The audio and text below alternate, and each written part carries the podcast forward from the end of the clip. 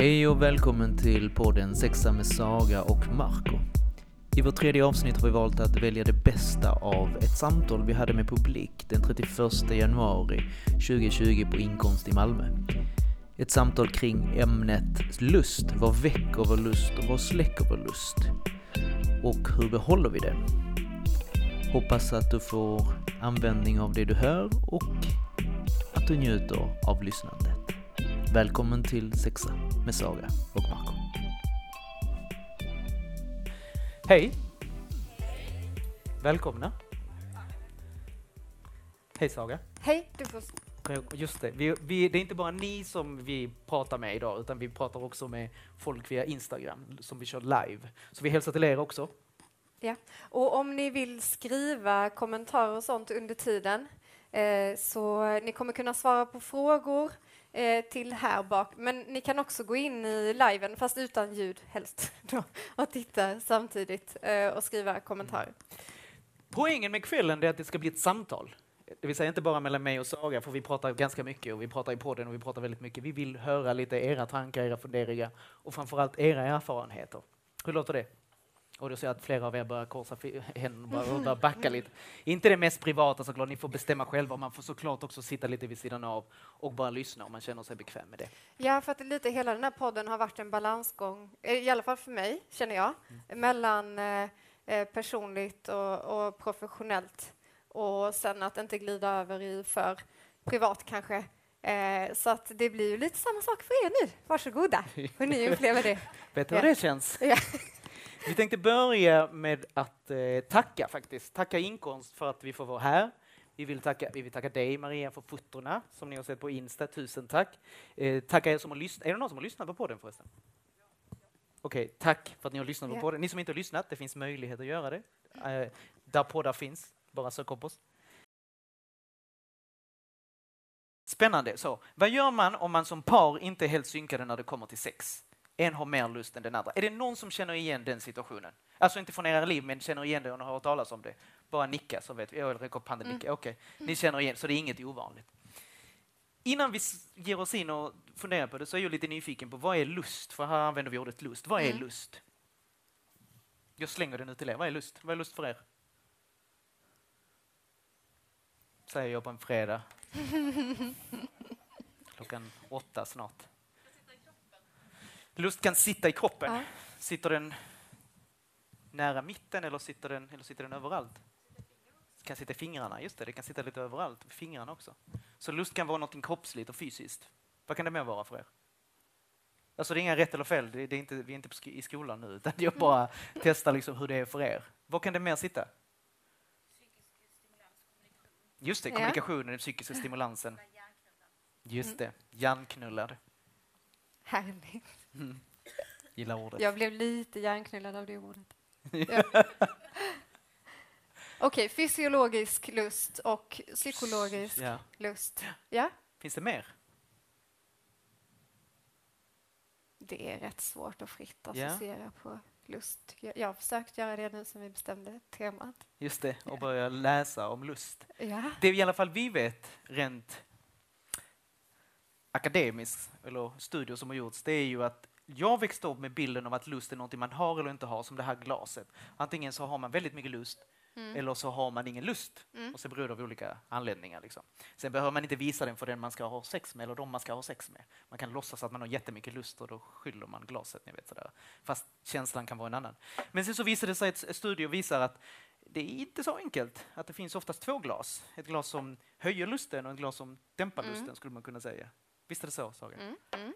Att det är två olika system som, som samverkar med varandra. Ja. ja. Det är ungefär så man kan förklara lusten. Mm. Och frågan då, par inte helt synkade. Jag tänker att det är väldigt ovanligt i en relation som är lite mer långvarig att parterna är synkade. Ja. ja. Jag tror att det, det hör till i en relation att man är ur synk ibland. Det finns en idé också om att vi ska vara väldigt sexuellt synkade hela livet. För att det börjar oftast, inte alltid, men oftast med att det finns en enorm attraktion och det enda man tänker och det enda man vill det är det här sexuella och oavsett om det är liksom hjärnknullandet eller om det är det fysiska knullandet man sysslar med så finns det en, en, en, drivet drag. Mm. Och efter ett tag så, just det, det är du igen som jag gick och la mig igår för 758 gången.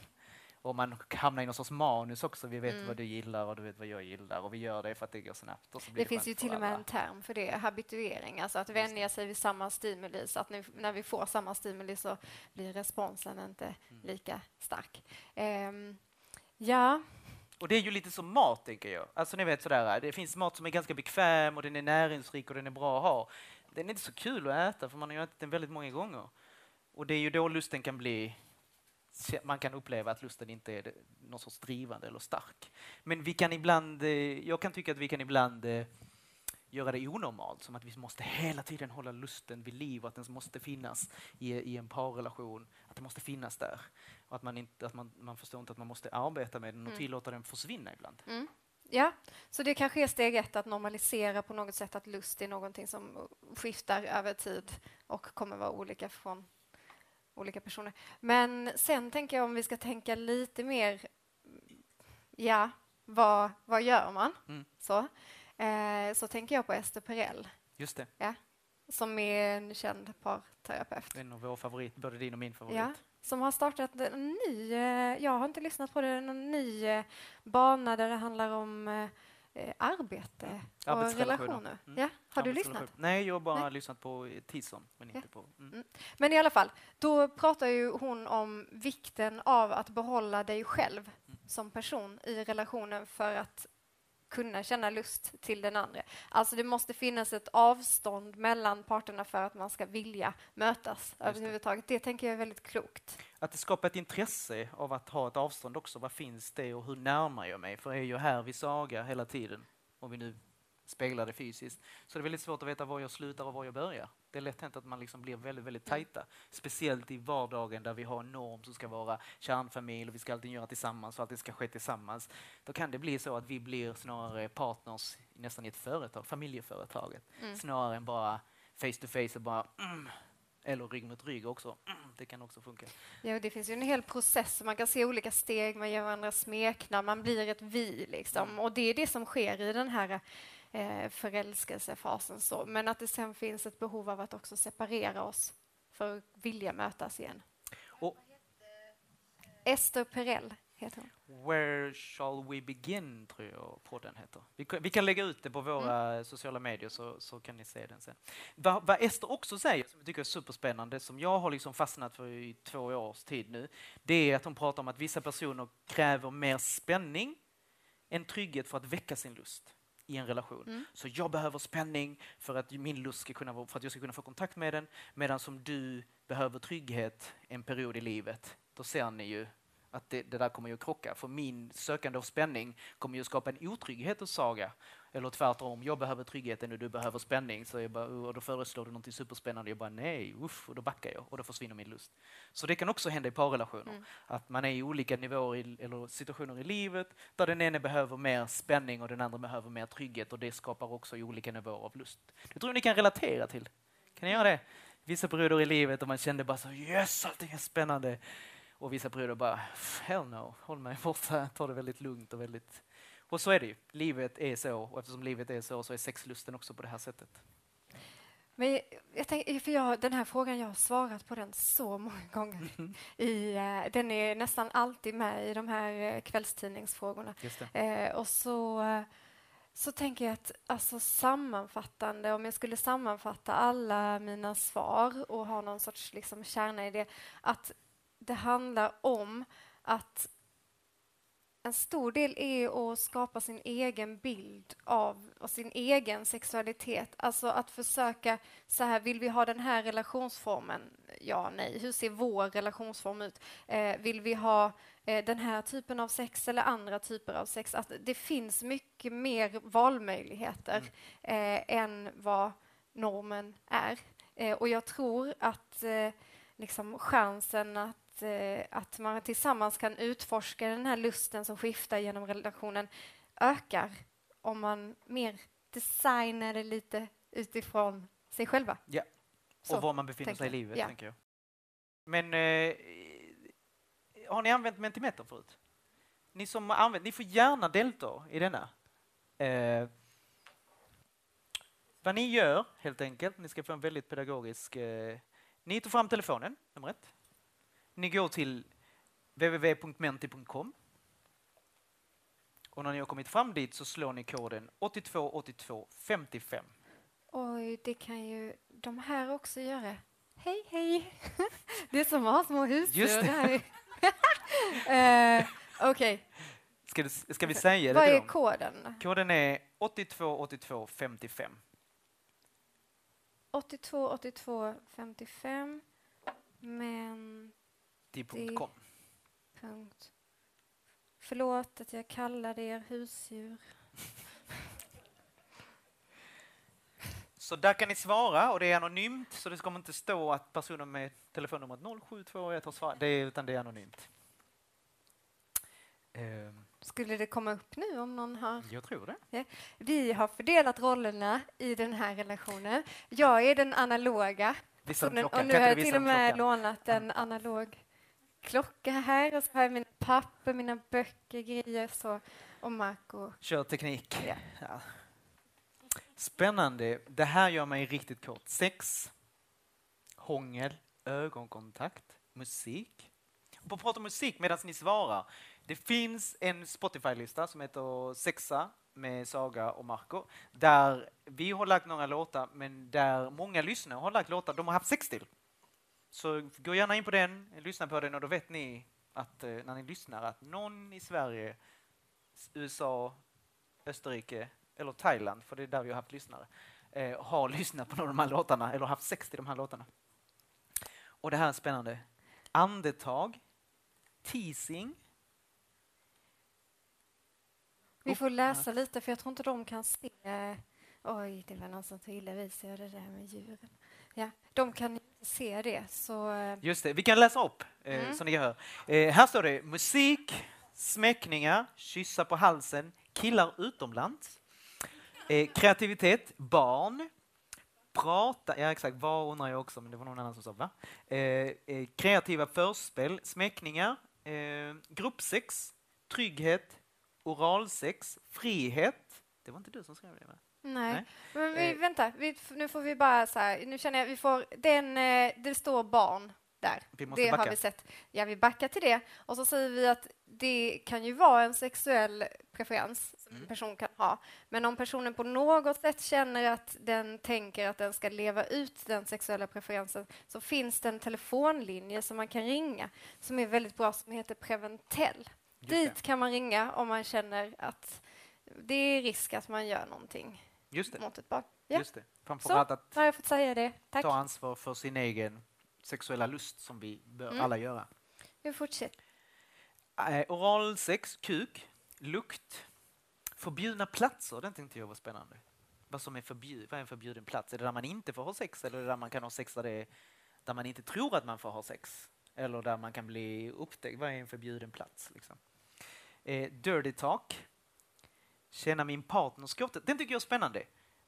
I, I lusten ibland så kan den försvinna och man har svårt att hitta den själv och så kan man hitta den med hjälp av sin partner och med hjälp av sin sexpartner, sina sexpartners. Att man kan starta sin sexlust genom att se någon annan bli tänd Mm och helt plötsligt så bara vroom, det startar igång min motor. Nästan som liksom, att någon kommer med startkablarna, ni vet. Det är samma princip.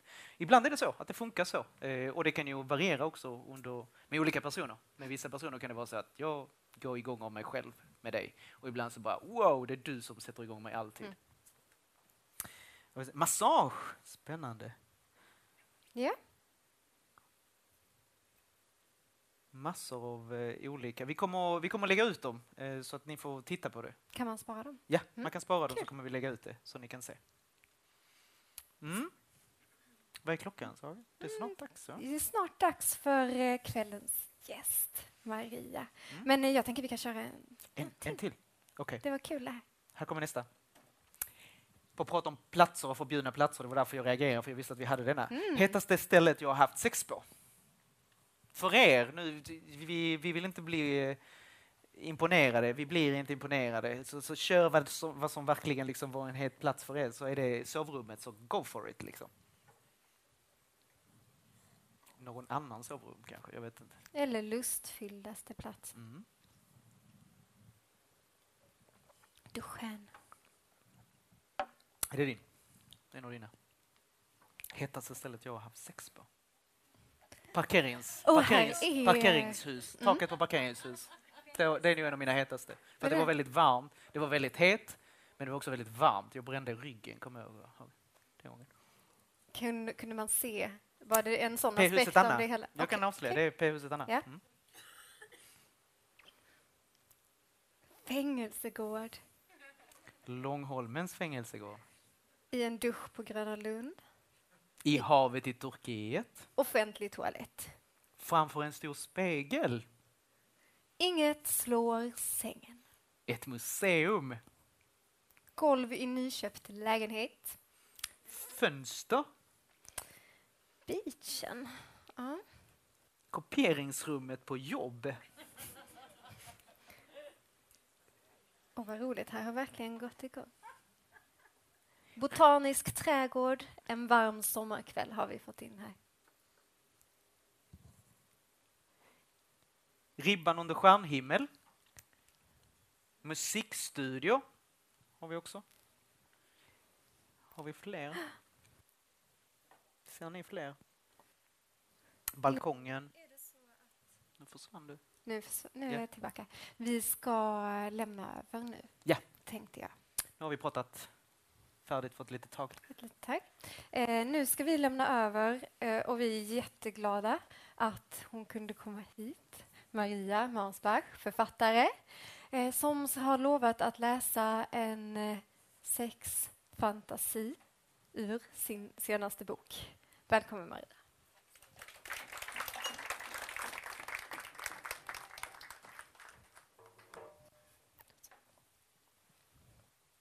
Är denna igång? Nej. Jo, den är igång. Ja, vad härligt. Äh, kul att vara här. Um, jag ombads då att läsa någonting lustfyllt. Um, och det här är min nya roman som heter Hit men inte längre och det handlar om en väldigt, väldigt uttråkad socionom som heter Margit. Och då tänker man, finns det mycket lust i denna? Nej, det kanske det inte riktigt finns. Men vid ett tillfälle så åker hon på en facklig utbildning. och det vet ju ni, att eh, en facklig utbildning, där händer det grejer. Eh, och där träffar hon en, eh, en föreläsare som heter Gustav och han är mycket äldre än hon och föreläser om stress på arbetsplatser. Eh, och det går Margit igång på, kan man säga. Eh, så vi ska träffa dem där de eh, nyss har avslutat en frukost eh, på ett hotell. Och hon har lite trängt sig på, han är inte så intresserad egentligen. Eh, attraktionen slår till med full kraft. Margit är inte beredd, hennes egna reaktioner överraskar henne. Hon har glömt hur det känns, hur hon beter sig när det händer. Margit är sin kropp och inget annat, det är det enda hon kan tänka på. Hon är svullen, stor. Det känns som om könet hänger, pressar, tynger mot stolen som om det inte får plats i trosorna. Margit förstår inte hur det är möjligt för henne att hålla ihop benen. Hon föreställer sig sin fitta som en illröd babianrumpa. Som om hon signalerar med hela sig till Gustav att han ska se henne. Och hade han bett henne hade hon gjort vad som helst. Hon hade böjt sig över bordet, dragit ner byxorna, låtit honom sätta på henne så att alla såg. Hissen stannar. Våning sju. Gustav kramar om Margit, men det är ingen vanlig kram. Det kan inte vara det. Margit vägrar tro det. Det är ju inte armarna om ryggen, klapp, klapp, hej då. Det är mer som om han suger henne nära. Han tar tag med handen kring hennes arm och han klämmer åt. Han håller henne och hon lutar huvudet mot hans bröst. Det är precis som Margit trodde att det skulle vara. Ljuvligt. Det är ljuvligt. Han är ljuvlig. Vi kanske ses, säger Gustav. Det kanske vi gör, säger Margit. Det kommer ju fler fackliga utbildningar, säger Gustav. Och Margit hon går raka vägen in i duschen och onanerar. Hon tänker på nästa gång hon och Gustav träffas. I hennes huvud har det mötet inget med jobbet att göra. Det är ingen facklig utbildning som kommer att föra dem samman. Det är kemin dem emellan. Hon onanerar om och om igen och det är en stressad handling. Hon måste få det ur sig, bli av med trycket. Det enda hon har att tillgå det är sina egna händer och det är alldeles för undermåligt. Det är inte det babianröven mellan Margits ben vill ha. Lusten försvinner inte och den nöjer sig inte med de små flickefingrarna Margit kan erbjuda. Stockholm central, Södertälje syd, Norrköping C, Linköping C, Mjölby, Nässjö, Alvesta, Hässleholm C, Lund C. Margit tillbringar hela tågresan med att äta choklad, spela Color Road och söka på Gustav Jansson på alla tänkbara ställen på internet utan att hitta någon information. Det tycker hon är ganska skönt. Och så tänker hon på två saker. Jag måste ta lite vin ifrån detta.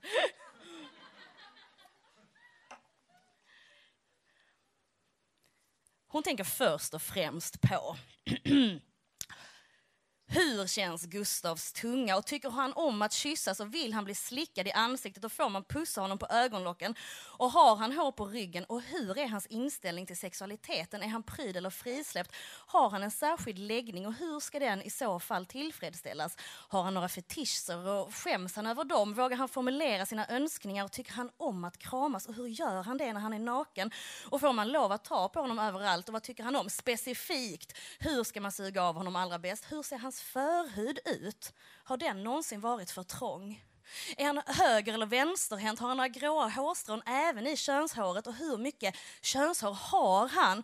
Och hur nära till lusten har han? Och hur känns det att vara med honom? Hur mycket väger han?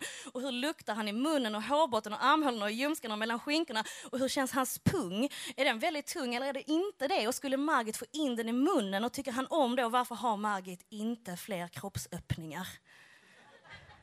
Det hade varit bra om hon hade det. Hon skulle vilja ha det. Hon önskar sig det med hela sitt hjärta, åtminstone två, tre stycken till. Eller hon vill vara en enda stor kroppsöppning som han kan stoppa in sig själv i. Så att hon, om än bara i fantasin, hade kunnat känna att det var realistiskt att hon skulle ha, få in hela honom, alla de där centimeterna, säkert över 1,85 i sig. Och på riktigt skulle han kunna köra in hela handen i henne. Är det en möjlighet? Skulle det kunna gå? Ja, det är en stor hand. Och om det gick, hur skulle det i så fall gå till? Vad hade hon behövt göra? Ja, hon hade gjort vad som helst för att det skulle gå, för att han skulle ha hela handen, armen, ja, ända upp till axeln och lite till i henne.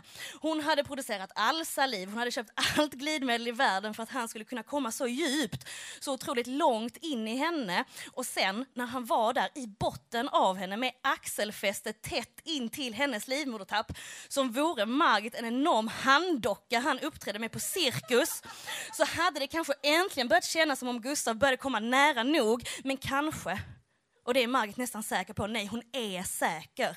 Det är inget kanske. Det hade inte räckt. En axel är ingenting. Margit hade inte varit nöjd förrän Gustav var så nära att hans kuk smekte hennes bultande hjärta och hans ollon pickade på hjärtats tomma kammare i samma takt som blodet pumpades runt i kroppen på henne.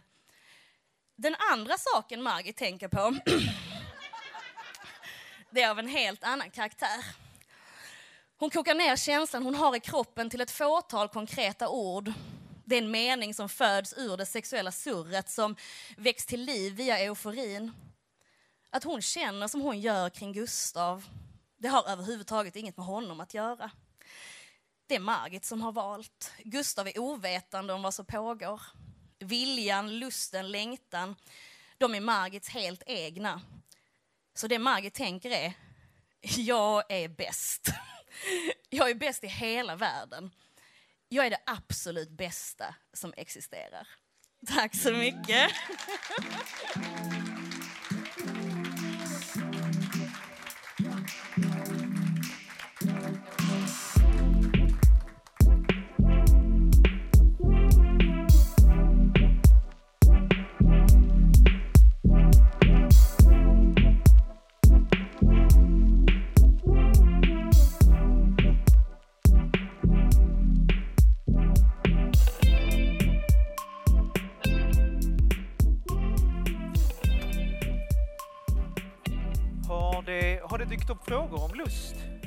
hos er som ni vill ställa?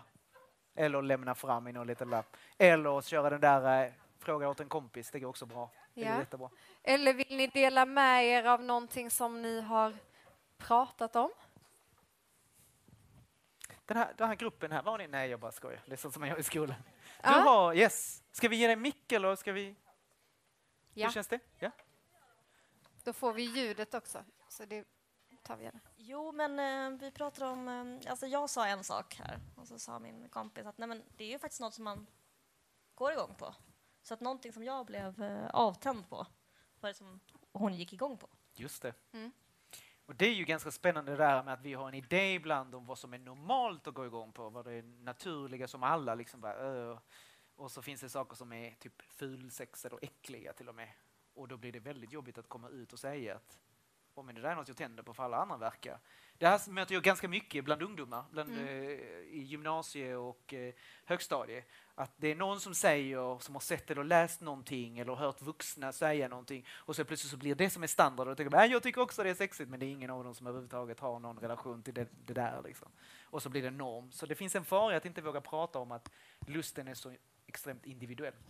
Nu halkar den. Ja, och sen... Eh, jag tänker också att vi kanske är eh, lite för rädda för det där konstiga att vi, som vi kan tända på ibland. Jag tänker med fetischer till exempel, att antagligen hade nog väldigt många människor kunnat hitta mycket mer specifika saker som de verkligen tänder på. Just det. Om vi hade öppnat upp lite för det. öppnat upp för oss själva framförallt också att upptäcka. För ibland så upptäcker vi inte saker för att vi inte vågar gå utanför. För vad kommer de andra säga? Och ska jag göra det med en partner, då blir det ännu jobbigare. Hur ska jag berätta för Saga här att jag tänder på, vad vet jag, stortår eller Mm.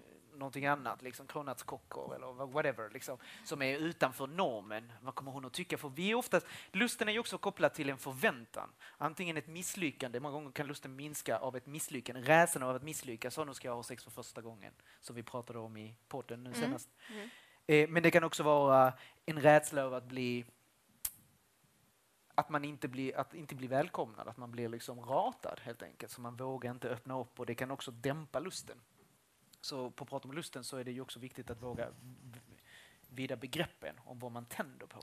Ja, och ibland vill vi också kanske ha det för oss själva Mm. till eh, egen sex. Just det. Vi kanske inte vill dela det heller Just det. Med en är- eller flera Mm. partners. Och frågan är i vilken ålder eller i vilken period i livet har jag varit som mest kåt? Eller upphetsad eller känt, känt mest lust? 10 till 13 är det någon som skriver. Spännande, hur Åh. tolkningarna. Nu skriver någon. Efter 30 i ett nytt Spännande att svaren tolkas eller att frågan tolkas lite olika. Vissa i ålder och vissa i relationer. Nykär runt 40. 20 till 24 När jag har år i början av relationer. efter 30. När jag mår bra i livet, det är Ah. också ganska spännande. Jag gillar att ni är så kreativa med det. Jag tänkte bara ålder här. Och så tänkte jag faktiskt att det skulle vara övervägande, jag hade någon sån förutfattad, men övervägande tonårstiden.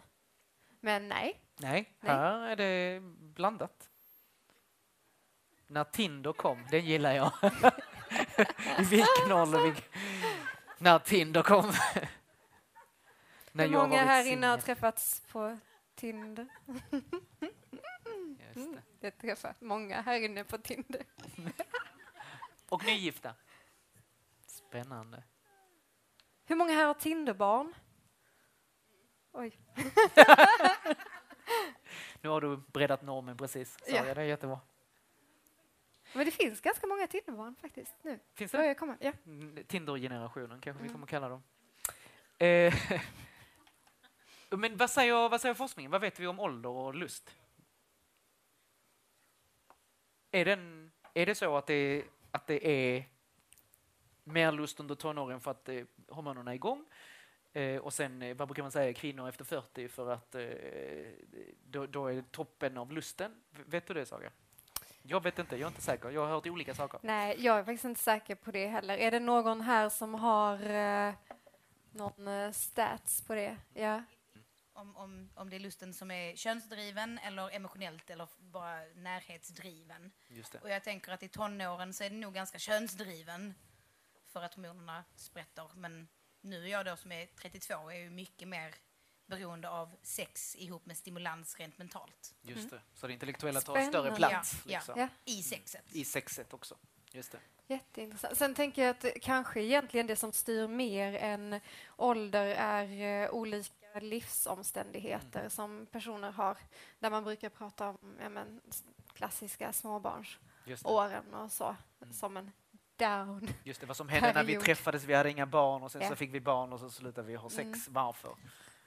Och då ibland kanske det hänger ihop med ålder, vilket skulle påverka då statistiken Mm. också. kanske. Men också att jag hörde, och jag vet, jag vet inte om det här är en myt, men det här bland de som har pluggat sexologi och jobbat med sexualitet så eh, pratar vi om, den här, eh, om det här fallet, om klamydiafallet. Att om du har hört talas om det. Jag tror inte det är i Sverige, jag tror det är i USA. Rätta mig om det är någon som vet. Men att man, eh, det spred sig klamydia och man gjorde liksom en, en, en eftersökning. Var kom den här klamydian ifrån? Och så upptäckte man att det kom från ett äldreboende. Eh, att det hade spridit sig Mm. hela vägen från äldreboende. Och det Mm. var ju inte riktigt där man började leta, utan man började ju leta bland de som var yngre för man har en förutfattad Mm. mening att det är där man har sex och riskfyllt sex. Det var ett demensboende till och med, just det. Ja, där Jag har vi en massa vem jag- normer kring, eh, och föreställningar kring äldre och sexualitet som inte riktigt stämmer. Ska vi ta nästa, för vi har en till menti. Hur lång sammanhängande tid har jag gått utan att känna lust? Nu vänder vi på det. Nu går vi in på de där perioderna i livet där man kände bara så, av någon anledning så hade jag inte lust. Hur långt kan man gå utan lust sammanhängande? Eh, utan eller låg lust, Ja. kanske. Vi, säger. vi breddar till utan eller låg lust. Tre månader? Någon månad? Flera månader? Två till tre år? Ett år? Fyra år? Tre veckor? Sju till tio dagar?